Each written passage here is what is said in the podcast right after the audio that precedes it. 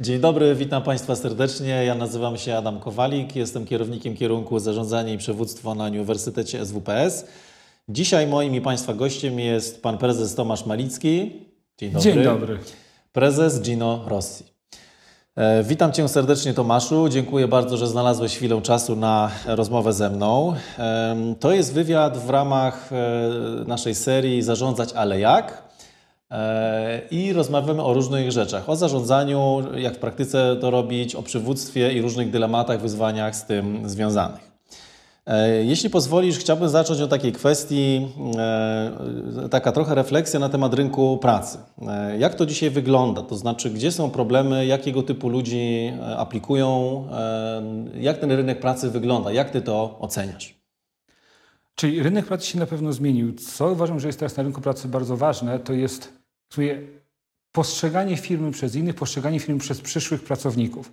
Bo teraz naprawdę zaczyna się jakby tak walka czy konkurencja o tych y, najlepszych. I moim zdaniem, tak, kiedyś, ostatnio miałem spotkanie u mnie w firmie, tak, i rozmawialiśmy na temat rzeczy miękkich, typu wartości w firmie, co to jest szacunek, bycie fair play i tak dalej. I ja pokazałem, przynajmniej tak sobie starałem ludziom, że tak naprawdę te rzeczy miękkie to są twarde. Że ludzie już nie tylko będą chcieli pracować dla pieniędzy, będą chcieli pracować dla pewnego bycia w czymś, bycia w pewnej wspólnocie, bycia w wspólnocie wartości, bycia w wspólnocie cel, celów. Oczywiście, im wyżej, tym może mieć to większe znaczenie, im niżej może mieć to mniejsze znaczenie, bo ludzie będą patrzyli im niżej na pieniądze, ale moim zdaniem te rzeczy, które kiedyś były nazwane miękkie, jak kultura organizacyjna, coraz bardziej odgrywa istotną rolę w tym, czy przyjdzie pracownik do pracy, czy nie, albo czy zostanie w pracy, czy nie. A jak zatrudniasz nowego menedżera, bo na co dzień zarządzasz e, dużym zespołem, e, z tego co rozumiem 1500-1600 mhm. osób, e, czym się kierujesz zatrudniając nowego menedżera? Na co zwracasz uwagę? Jak sprawdzasz tą osobę w trakcie rekrutacji? Tak naprawdę rekrutacja to jest działanie na wyczucie, nie oszukujmy się. Ja mówię, że nie wszyscy powinni rekrutować, tak samo co jest dla mnie ważne? Wartości oraz czy dana osoba potrafi myśleć. Tak? Oczywiście w następnej kwestii doświadczenie. Tak? Ale pierw, ja nigdy nie pytam o to, czy ktoś zna firmę, w której pracuje i tak dalej, i tak dalej, tylko patrzę, jak postępuje w stosunku do ludzi i jakie ma rzeczywiste doświadczenie. Wystarczy zadać kilka pytań, żeby zobaczyć naprawdę, o czym mówimy. Wystarczy zapytać o to, jak ocenia ludzi, czymś, jak, jak wygląda jego model oceny ludzi, co jest dla niego ważne i według mnie, co jest kluczem dla mnie, wspólnota wartości. Tak, bo jeżeli mamy wspólnotę wartości, to coś zbudujemy.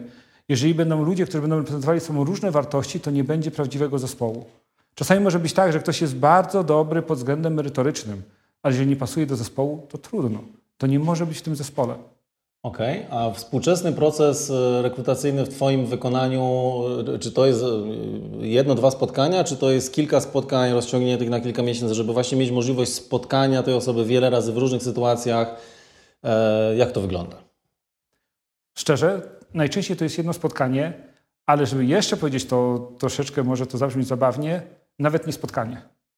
Naprawdę najlepsze rekrutacje zrobiłem na zasadzie, jak zobaczyłem daną osobę, wiedziałem, że będę z nią pracował i do teraz z tym osobą pracuję. Okay. To jest niestety działanie bardzo mocno na wyczucie. Ja nie wiem, z czego to wynika, ale nieraz słyszałem jedno. Tomek, ty masz największe szczęście do ludzi. On mówi, nie największe szczęście, może po prostu umiem ich dobrać i to jest największa siła. Ale dobierasz ich właśnie z e, aplikacji, które nadsyłają, czy sam proaktywnie szukasz? Nie, to jest tak, że ja bardzo długo współpracuję z jedną z agencji HR-owych i ta agencja dokładnie wie mniej więcej jakiego typu ja ludzi szukam. Tak, bo to też jest ważne, jakiego okay. typu charakteru i tak dalej. Oni podsyłają mi 3-4 CV. Ja wybieram tak? I ja to muszę czuć, nie rozumieć, ja to muszę czuć, że z daną osobą chcę pracować. Dobrze, zatrudnimy człowieka, jesteśmy już po rekrutacji. Jak później motywować taką osobę? Jak to, motywować zespół? A to zależy. To jest bardzo szeroki temat, bo każda osoba jest inna. Każdą osobę motywuje co innego. Są osoby nastawione na cel, są osoby nastawione na problem. Tak trzeba zrozumieć, potrzeby danego pracownika. Trzeba akceptować, że każdy jest indywidualny. To jest trochę taki skandynawski styl zarządzania. Akceptujemy indywidualizm w zespole. Ale czy, bo, bo, zaraz się pojawia jakiś taki dylemat y, czasu, prawda? No bo takie indywidualne podejście w motywowaniu pracowników e, wymaga czasu, no bo ja muszę wiedzieć, poznać tą osobę dobrze i tak dalej. Czy rzeczywiście menadżer dzisiaj ma czas na to, żeby do każdego tak indywidualnie podchodzić? Tylko, że teraz zdefiniujmy sobie rolę menadżera. Dla mnie, ja jestem po to, żeby ludziom stworzyć przestrzeń do działania. Czasami powinien być niewidoczny. Ja muszę być widoczny tylko wtedy, kiedy jestem ludziom potrzebny. Dla mnie najważniejszą osobiście, personalnie rzeczą w ludziach jest budowanie ich i pozwalania im podejmowania decyzji, pokazania, że to jest ich organizacja. To oni muszą mieć siłę podejmować decyzje. Nieraz jest ryzyko. Przychodzi ktoś do mnie, Tomek, chciałem podjąć taką decyzję. Personalnie mogę uważać, że ona jest zła, ale jeżeli szacuję, że ona nie wykona dużego ryzyka, pozwalam podejmować takie decyzje, żeby dane osoby się uczyły i potrafiły wziąć odpowiedzialność w swoje ręce.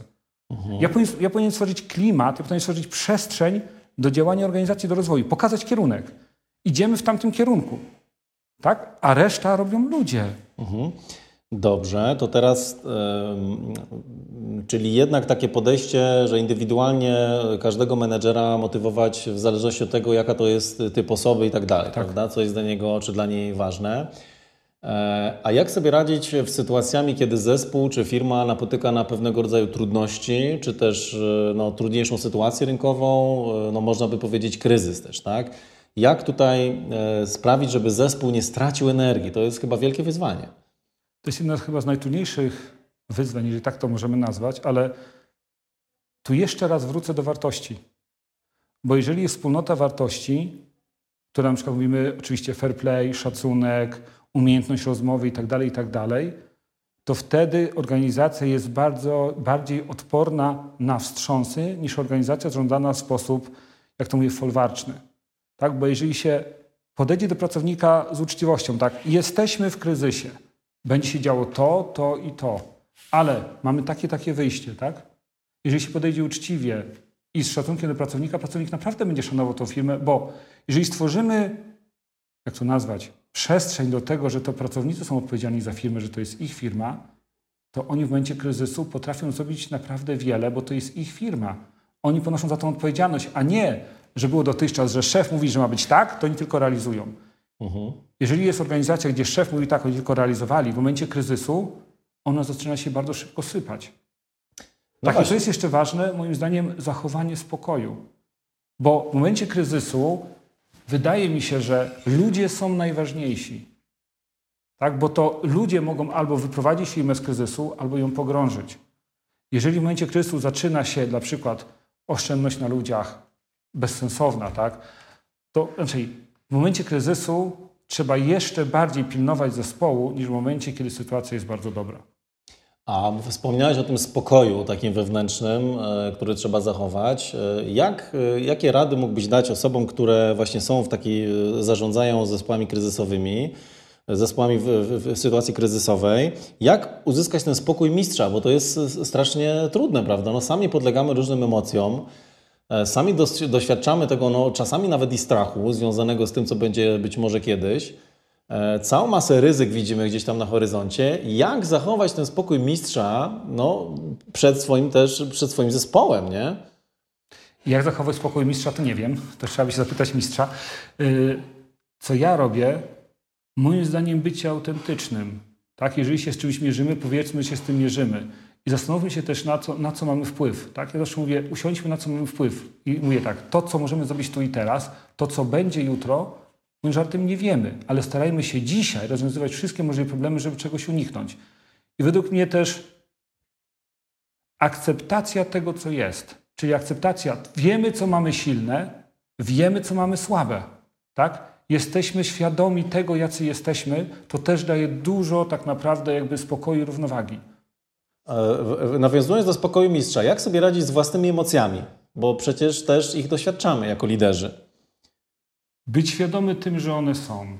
Tak, jeżeli połączymy emocje ze zrozumieniem ich, mamy pewne stany. Tak, złość jest emocją, która napędza, ale złość można przerodzić w gniew lub złość można przerodzić w działanie. I jak to zrobić? Być świadomym tego, że mam prawo być zły. Tak? I że to jest moja złość, a nie kogoś innego. Mam prawo ja być zły. Mam prawo, mieć, mimo że być smutno. Mam prawo tego prawo, tak? I umieć w tym momencie odpowiedzieć sobie na to, co chcę z tym zrobić. Bo jeżeli rozumiem, że mam prawo być zły, to mnie ta emocja nie zaleje. Jeżeli nie rozumiem, ona może we mnie wpłynąć i wtedy może się przechodzić w gniew lub wtedy krzyk. Czyli jak mam jakieś trudne spotkanie z pracownikami, z zespołem, który muszę, któremu muszę zakomunikować, że czeka nas, nie wiem, ciężki czas albo doświadczamy trudniejszych rzeczy, to co taki lider powinien powiedzieć na takim spotkaniu? To właśnie to, co powiedziałeś. Że nas czeka cięższy czas, że nas czekają takie i takie rzeczy, tak? że z tym i z tym mogą być problemy. Tylko może mi się łatwo mówi, bo ja miałem taką kulturę, gdzie mówiliśmy sobie otwarcie i dla nikogo nie było to zaskoczenie, że ja mogłem coś takiego powiedzieć. Tak, kultura, firma musi być przygotowana do kryzysu. To nie jest tak, że firma zarządzana w sposób folwarczny, tak się to teraz nazywa, przejdzie łatwo kryzys, bo nagle z bycia folwarcznym zrobimy się organizacją, która jest nastawiona na otwartość rozmowy, szacunek drugiego zdania, fair play i tak. Tego się nie da zrobić z dnia na dzień. Firma musi być przygotowana na kryzys, a nie oszukujmy się, każda firma wcześniej czy później kryzys będzie miała. To nie jest tak, że są firmy mogą rosnąć całe życie. A czy da się przygotować firmę na kryzys? Jakie tutaj mógłbyś e, rady naszym słuchaczom przekazać? Według mnie da radę firmę przygotować na kryzys, a tak jak powiedziałem, to są ludzie. Tak, musimy być świadomi tego, że kryzys przyjdzie. Jeżeli jesteśmy świadomi tego, że kryzys przyjdzie, tak, no to podejmujemy takie ruchy z ludźmi, żeby oni byli inaczej. Świadomy, nie wiem, menadżer świadomie informuje ludzi, co się może wydarzyć. Mówi im wprost, na przykład, ok, jest dobrze, cieszymy się. Ja zawsze mówię pewnym, tak trochę żartem, wszystko jest etapem. Szczęście jest etapem i złe chwile są etapem. Etap ma to do siebie, że mija. Więc wiadomo, że rzeczy złe też miną, tak? I nie należy się tym przejmować. Z drugiej strony szczęście jest etapem, to cieszmy się, że ono jest. Czyli doceniajmy to, co mamy, jeżeli jest dobrze, a nie przejmujmy się tym, że przyjdzie kryzys. Tylko jakby ważne jest, żeby cała kultura organizacyjna była na tym zbudowana, bo moim zdaniem skromnym, co jest ważne, wspólnota wartości. Tak, bo chodzi o to, ja miałem w firmie różne osoby. Miałem od e, projektantów, specyficzny zawód, po inżynierów, po handlowców, tak? To są całkowicie różne charaktery. No, projektant, który mówi, że nie wiem, coś ma być w kolorze habrowym, to inżynier spojrzy na niego, weź ty minie, w jakim, jak to ma wyglądać, tak? Ale wiadomo, że są różne charaktery. Tylko kultura rozmowy, czyli szanujemy siebie nawzajem, nawet jak mamy różne zdanie. Ale co jest niżej, to jak powiedziałem jeszcze raz, wartości. Szacunek, fair play i tak dalej. Jeżeli to mamy silny fundament, to jest silny fundament. Jeżeli, kultura, jeżeli organizacja ma silny fundament, to to przetrwa. Jeżeli fundament jest niestety słabszy, to może być tak jak domek z kart. Wyobraźmy sobie, że jest domek z kart, tak? Wyjmiemy jedną kartę, stoi. Wyjmiemy dwie karty, stoi. Wyjmiemy cztery karty. Jak już nie ma fundamentu, co się stanie, to runie. Mhm. A w przypadku, e, kiedy firma stoi przed pewną reorganizacją, czy może nawet restrukturyzacją, e, nie wiem, zmiana struktury organizacyjnej, e, zmiana zakresu obowiązków poszczególnych pracowników, w jaki sposób zarządzać zmianą w taki sposób, żeby nie stracić zaangażowania pracowników, no a żeby przeprowadzić firmę przez te wszystkie rzeczy, tak?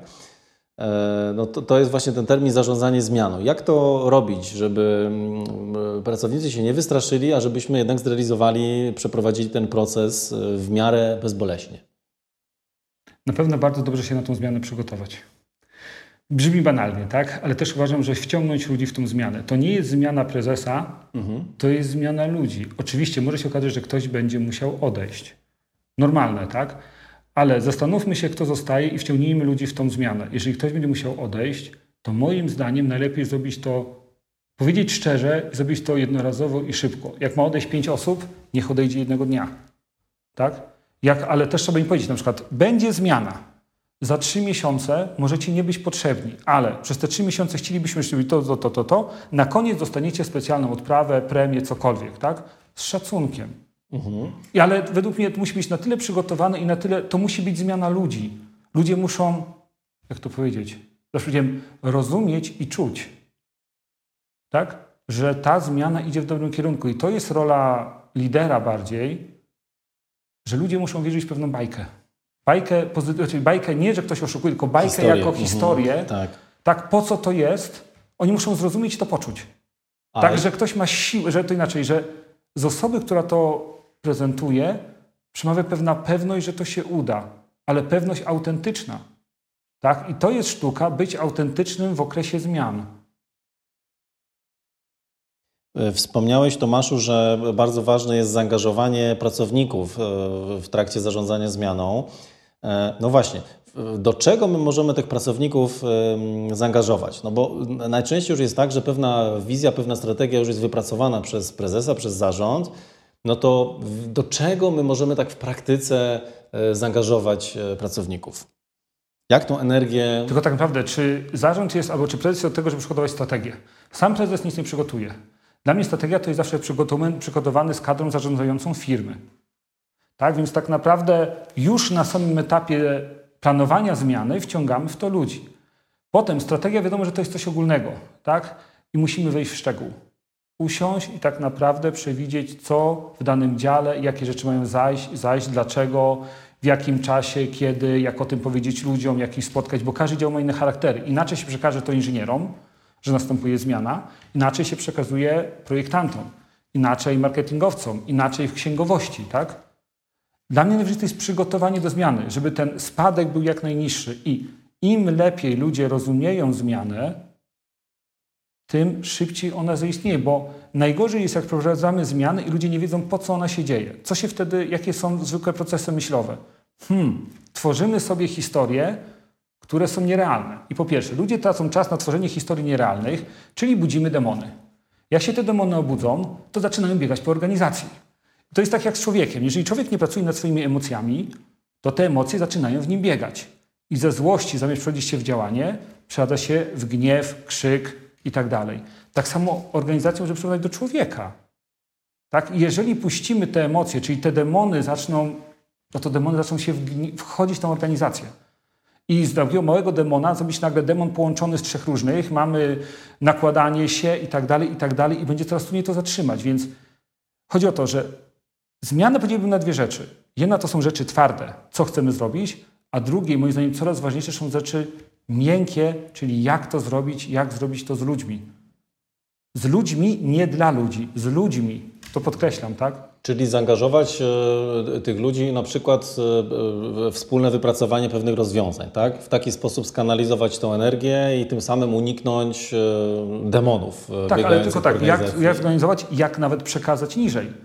Mhm. Bo miałem różne etapy zarządzania kryzysem, tak? I według mnie informacja jest jednym z najważniejszych elementów, jaki trzeba przygotować. Informacja, ale też nie tylko sposób jej podania. Mhm. Tomaszu, jaka to była Twoja najtrudniejsza decyzja ludzka? No bo przychodzi taki moment y, w, życiu prezesa, że też trzeba zwolniać osoby, prawda? Czym się wtedy kierować? Jak sobie z tym radzić? Czyli nigdy nie ma dobrego jednego wyjścia, bo każdy przypadek jest inny jak ja do tego podchodzę, że najważniejszy jest zespół. I tak naprawdę, że ja wiem, że może być przykro, ale z drugiej strony kładziemy na szali na przykład los firmy. Tak, że może jedna osoba ma odejść, ale 1200 zostaje. Tak? I może dla, posłuchaj na to, dla czyjego dobra co robimy? Co jest dobrem wspólnym, tak? Ale też nawet jak zwalniałem, to mówię, podejść do tego z szacunkiem tak nie zawsze to się daje, bo czasami nawet ktoś, kto jest zwalniany, może powiedzieć, o czy nawet on nie słucha, on może nie chcieć słuchać tego, co się do niego mówi, ale jak się rozstaniemy szacunkiem, to potem się zastanowi. Dla mnie to jest najważniejsze spojrzeć na dobro wspólne, czy albo czy dobro wyższe, może to zbyt patetycznie brzmi, ale mi chodzi o to, co mhm. jest dobrem nadrzędnym? O, dobro nadrzędne. Co jest dobrem nadrzędnym? Czy dobro ogółu, w tym momencie całej firmy, czy dobro jednostki? Bo czasami jednostka może nie pasować do zespołu i w tym momencie dobrem nadrzędnym jest dobro zespołu. Mimo tego, że ktoś jest, ja zawsze mówię żartem, że jeżeli ktoś dojdzie do etapu, że czuje się niezastąpiony, trzeba go jak najszybciej zwolnić. E, czyli mówisz o takiej dojrzałości menedżera, prawda? Jeśli dobrze rozumiem. E, dla mnie osobiście ten temat dojrzałości menedżera bardzo się wiąże z czymś, co ja nazywam z kolei ego prezesa. E, z jednej strony nie powinno być za duże, z drugiej strony nie powinno być za małe. E, gdzieś ważny jest taki kompromis. E, no ale pytanie, jakie jest to zdrowe ego? Na czym ono polega? Tak, bo z jednej strony prezes to jest osoba, która wyznacza kierunki, z drugiej strony warto, żeby była w nim pewna pokora. No ale jak ty rozumiesz to zdrowe ego menedżera, lidera? Władza jest odpowiedzialnością. Jeżeli ktoś to rozumie, że władza jest odpowiedzialnością, to może być gotowy na to, żeby być szefem. Jeżeli ktoś nie rozumie, że władza to jest głównie odpowiedzialność, a nie przyjemność, to moim zdaniem powinien się nad tym zastanowić. Tak, trzeba mieć o tyle zrozumieć, że jeżeli zostajesz na tę górę, wchodzisz, to są ludzie, którzy mają mniej. Są ludzie, którzy są odpowiedzialni, a są ludzie, za których ty odpowiadasz. Dostałeś coś, szanuj tych, co są na dole, tak? bo to oni tak naprawdę tworzą tą firmę. To oni jakby budują tą wartość firmy.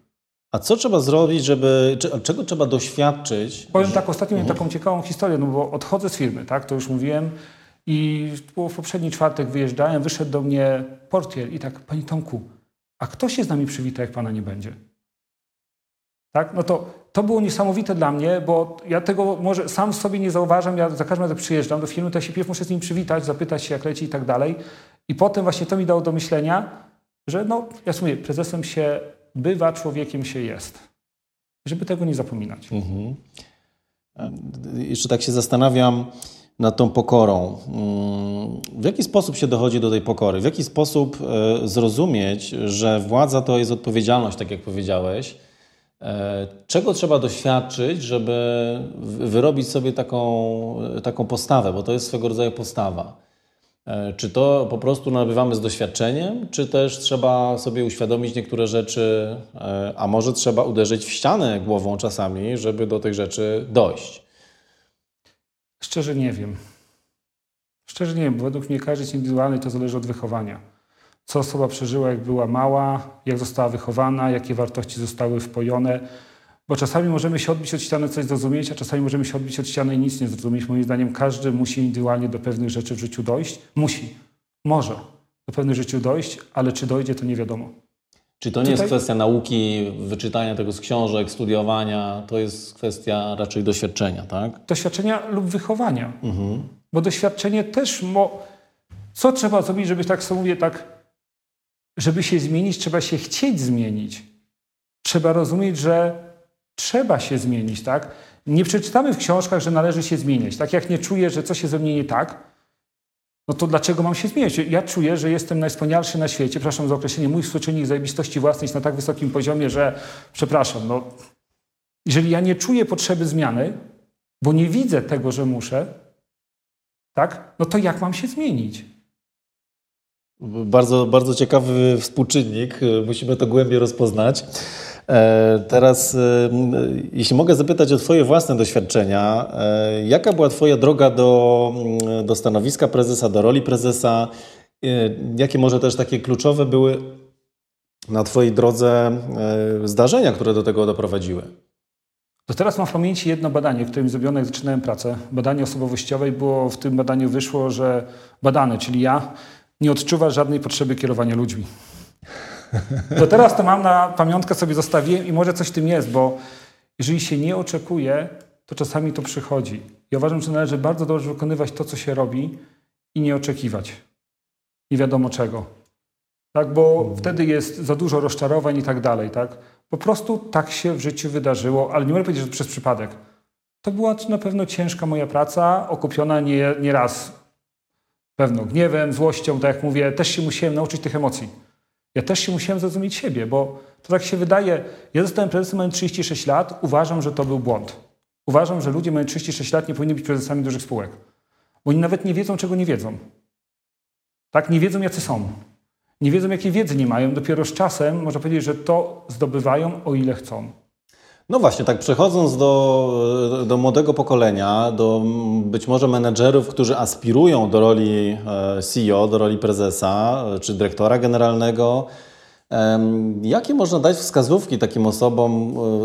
E, jak kierować tą swoją karierą, żeby zwiększyć swoje szanse na sukces no, bycia kiedyś w tej roli? Nie wiem. Tak naprawdę zależy od organizacji, tak? bo można analizować organizację nie, nie, czyli za dużo nie chcę mówić. Ja spojrząc na siebie, to powiem tak, uważam, że najważniejsze co jest, to po prostu być sobą, mieć odwagę być autentycznym. Tak samo kolejną rzecz powiem, mówienie prawdy powoduje to, że nie trzeba pamiętać, co się mówiło. Tak? A bycie autentycznym to jest według mnie fantastyczna cecha, ale jak już jesteś świadomy tego, co jest twoją silną stroną, co jest tego słabą stroną, i też to mi się wydaje ważne, jest uświadomienie sobie, co jest twoją silną stroną i na tym się skupić. Nie musisz się znać na wszystkim, znaj się dobrze na tym, co jest Twoją silną stroną. Okej, okay, czyli już jesteśmy w roli powiedzmy prezesa i teraz e, jeśli moglibyśmy rozmowę troszkę skierować na taki tor bardziej biznesowy, E, czyli skąd ten prezes ma wiedzieć, w którą stronę organizacja, którą zarządza, powinna podążać? Bo kierunków e, jest e, wiele.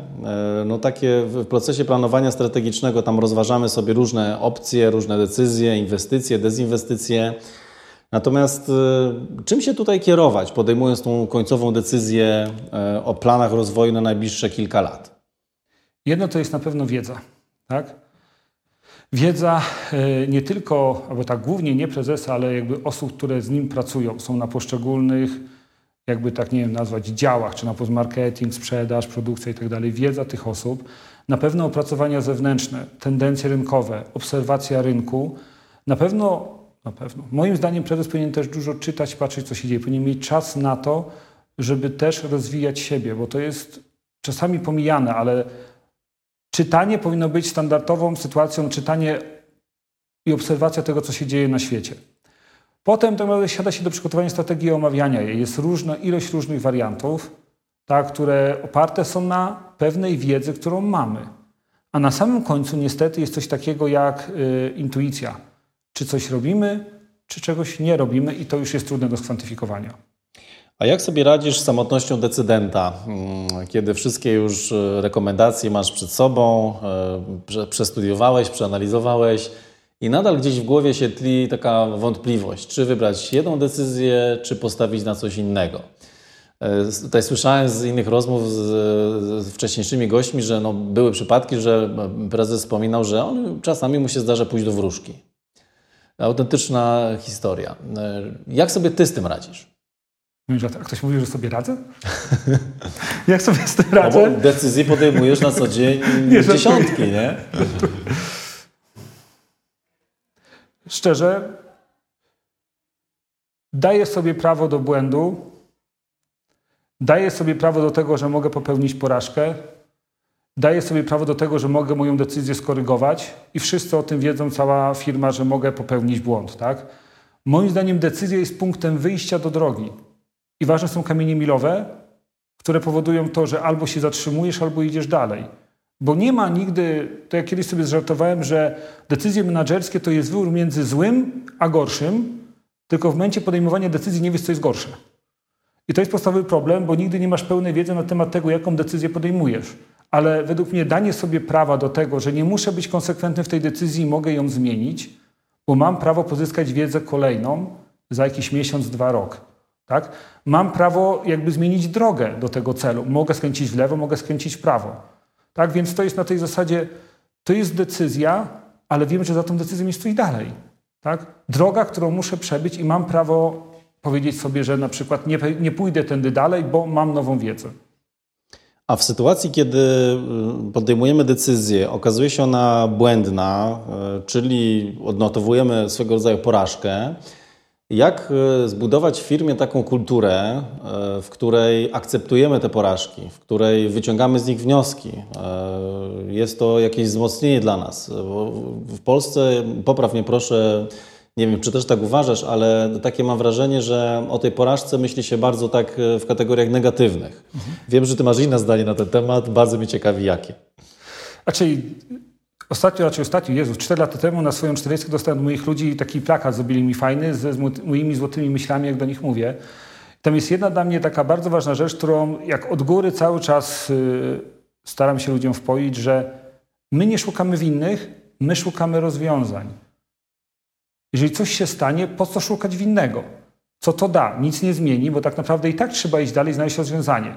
Tydzień czasu, jak nam spędzi na szukanie winnego, to co z tego? A moim zdaniem, jak Dużo bardziej będzie pracownik pamiętał, jak musiał coś naprawić, jak został z tym sam, niż jak na niego nakrzyczymy. Kiedyś miałem taką historię, jeden z moich dyrektorów i tam coś nie wyszło, tak, jego wziął i tak tłumaczyłem, tłumaczyłem, po, tak, to zróbmy to w ten sposób, tak, i tłumaczyłem, jak rozwiązać tą sytuację, że jak naprawić to jak najszybciej. Po dwóch dniach do mnie przyszedł i powiedział, Tomek, jest to, jestem na ciebie zły. Mówię, ale dlaczego? Bo gdybyś ty na mnie nawrzeszczał, gdybyś ty na mnie, ty mnie opieprzył, ja bym się czuł szczęśliwy i rozgrzeszony, że okej, okay, już się stało. A tak noszę ciężar tego, że musiałem to naprawić i że zawiodłem Ciebie. Hmm. Tak, a dla mnie też porażka, mówię porażka, ja, ja sobie cały czas żartuję, że sukces to jest entuzjastyczne przechodzenie od porażki do porażki. Mhm. Bo naprawdę porażka uczy, tylko porażka oswojona. Czyli z porażki trzeba wyciągnąć wnioski. Ja zawsze oczywiście mówię, że trzy razy pod rząd ta sama porażka to jest głupota. Żeby też nie było za słodko, tak? Że jak trzy razy ten sam błąd popełniamy, to już jest głupota. Ale mamy prawo popełnić błąd, bo co jest dla mnie ważne, każda decyzja, którą podejmujemy jest opatrzona tym, że nie mieliśmy pełnej wiedzy, mamy prawo popełnić błąd. Mamy prawo, tak? Ale to jeszcze raz powiem. To, że popełniliśmy błąd, to nie znaczy, że jesteśmy do dupy. To znaczy, że popełniliśmy błąd. To, że nie zrobiliśmy coś na czas, to nie znaczy, że nie można na nas polegać. To po prostu oznacza, że nie zrobiliśmy tego na czas. Tak? Mnie kiedyś uczono, że porażka jest zła, tak? Trzeba bać się jej strasznie, uciekać i tu nie. Porażka jest, nie jest straszna. A co jest najważniejsze w kulturze organizacyjnej, nauczyć tego, że jeżeli coś się stało, mówmy o tym od razu, bo rozwiązanie problemu na początku, który powstał, jest dużo szybsze niż jak ten problem urośnie, bo go zakopiemy pod dywan. A tak w praktyce to wyciąganie wniosków e, z, z, popełnionych e, porażek, czy mm, masz taką praktykę albo czy zalecasz taką praktykę, żeby zrobić sobie jakiś brainstorming e, po, po takim zdarzeniu, zastanowić się, pozwolić sobie na chwilę refleksji, co się wydarzyło, co możemy kolejnym razem usprawnić? Czy to jest takie raczej działanie ulotne, które się dzieje gdzieś w, w głowach każdego z nas? W swojej kulturze organizacyjnej tego nie mam. W swojej mam to, że po prostu sobie rozmawiam z takim pracownikiem, dwoma. Ja po prostu lubię rozmawiać.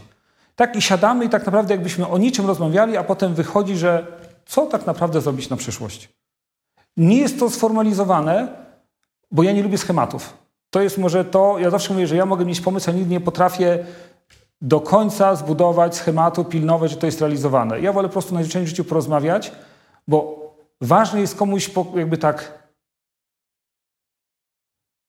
Ważna jest droga. Tak? Żeby każdy mógł sobie pójść swoją drogą i tak po swojemu do końca to rozwiązać. Dać komuś inspirację, a nie gotowe rozwiązanie. Tak? Chodzi o, po to jest rozmowa, żeby dać pewien pomysł, ktoś na co spojrzał inaczej, ale to już musi być jego droga, bo jak to będzie jego droga, jego ostateczny pomysł, to on to zapamięta. A jak będzie to pomysł prezesa, to po prostu on go wykona. To, to, to jest moje zdanie. No, jak kiedyś się dowiedziałem, że mam styl zarządzania ten skandynawski, Kiedyś poczytałem, że rzeczywiście tak jest, ale każdy ma swój styl. Ten styl pasuje do czegoś, inny styl będzie pasował do czegoś innego, tak? A tak na co dzień, e, będąc w roli prezesa, e, takie odwieczne pytanie, prawda? Czy jesteś bardziej liderem, czy jesteś bardziej menedżerem? A może jest tak, że w niektórych okresach jesteś menedżerem, w niektórych okresach jesteś liderem, a może łączysz te dwie funkcje w sobie na co dzień? Jak, jakie są Twoje obserwacje? Po tych ostatnich dwóch latach to od moich pracowników dowiedziałem się, że to było Tomek, ty masz coś takiego, że potrafisz zrobić układankę, gdzie potem wyjęcie jednego puzla powoduje to, że może się posypać cała układanka. Tak, moim zdaniem wiarygodność i autentyczność, czy tak, dla mnie menadżer powinien być liderem. Tak, no bo albo ma się odwagę być kimś, kto pociągnie ludzi, albo nie, albo predyspozycję. Nie wiem, jak to nazwać, tak? Bo mhm. tak jak powiedziałem, dla mnie autentyczność, szczerość i tak dalej to są rzeczy, które budują tak naprawdę lidera.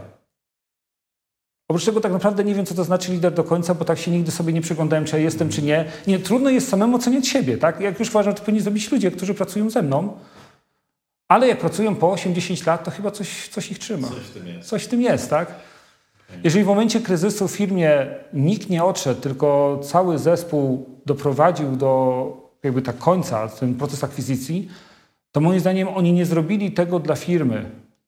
Oni nie zrobili tego dla, nie wiem, prezesa, oni zrobili to dla człowieka. E, czyli powiedziałbyś, że jeśli dobrze zrozumiałem, że o tym, czy ludzie za tobą idą, czy za prezesem, za liderem, decyduje ta autentyczność, fair play, wartości, tak? bycie konsekwentnym, transparentnym? Moim zdaniem tak wiarygodność, autentyczność, nie wiem jak to nazwać. Moim zdaniem tak, bo lider nie musi być prezesem. Może być lider nieformalny, tak? Nie musi być, tak? Ale fajnie jest, jak, lider, jak prezes jest liderem. To jest fajne, tak? Mhm. Bo dla mnie ludzie robią coś dla człowieka, a nie dla prezesa. Tak, wspólnota celów jest z człowiekiem, a nie z prezesem, tak? tak to jest takie moje, to co ja czuję. E, bardzo dziękuję Tomaszu, że znalazłeś chwilę czasu na rozmowę ze mną. E, przypomnę, że moim i Państwa gościem był Pan Tomasz Malicki, prezes Gino Rossi. Dziękuję serdecznie za rozmowę. Dziękuję. A Państwa zapraszam na kolejną rozmowę z cyklu Zarządzać, ale jak. Dziękuję bardzo. Dziękuję.